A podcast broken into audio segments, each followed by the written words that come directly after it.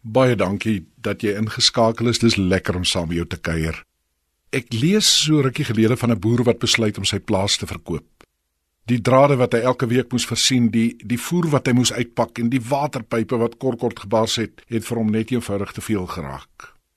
'n Paar dae later bel die eiendomsagent hom en lees die koerantadvertensie vir die boer. Dit het die plaasie beskryf as 'n pragtige plekkie in 'n ideale omgewing, stil en rustig, omring deur groen heuwels, gevoed deur die dam en geseën met goed geteelde diere.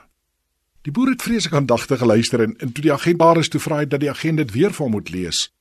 Naai dit vir die tweede keer gehoor het, sê hy vir die eienaarsagent, hy sê jong, ekskuus, hy sê maar ek gaan nie meer verkoop nie.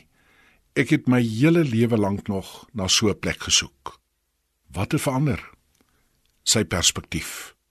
Soms moet 'n mens dit wat jy as vanselfsprekend en alledaags beskou of wat jou irriteer en ontstel bietjie deur ander oë bekyk.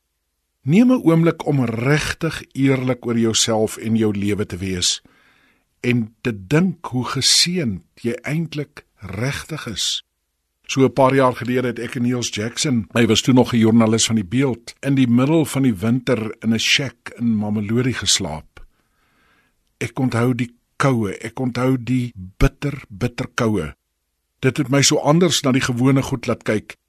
Ek onthou hoe die warm stort in ons eie huis die volgende dag vir my letterlik soos water uit die hemel was.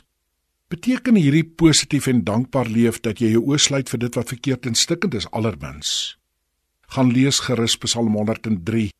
Dwars deur die gedeelte is die spore van siekte, van sonde, van ongeregtigheid, van die verganklikheid van die mens die bekende uitdrukking wat ons baie keer gebruik die die mens sy lewensdiere soos die van gras soos die van 'n veldblom wat oopgaan as die woestynwind daaroor waai is dit weg en sy plek altyd leeg staan in die middel van die psalm. Maar nou die belangrike dit keer nie die psalm skrywer om 7 keer in die psalm sy lof uit te spreek nie.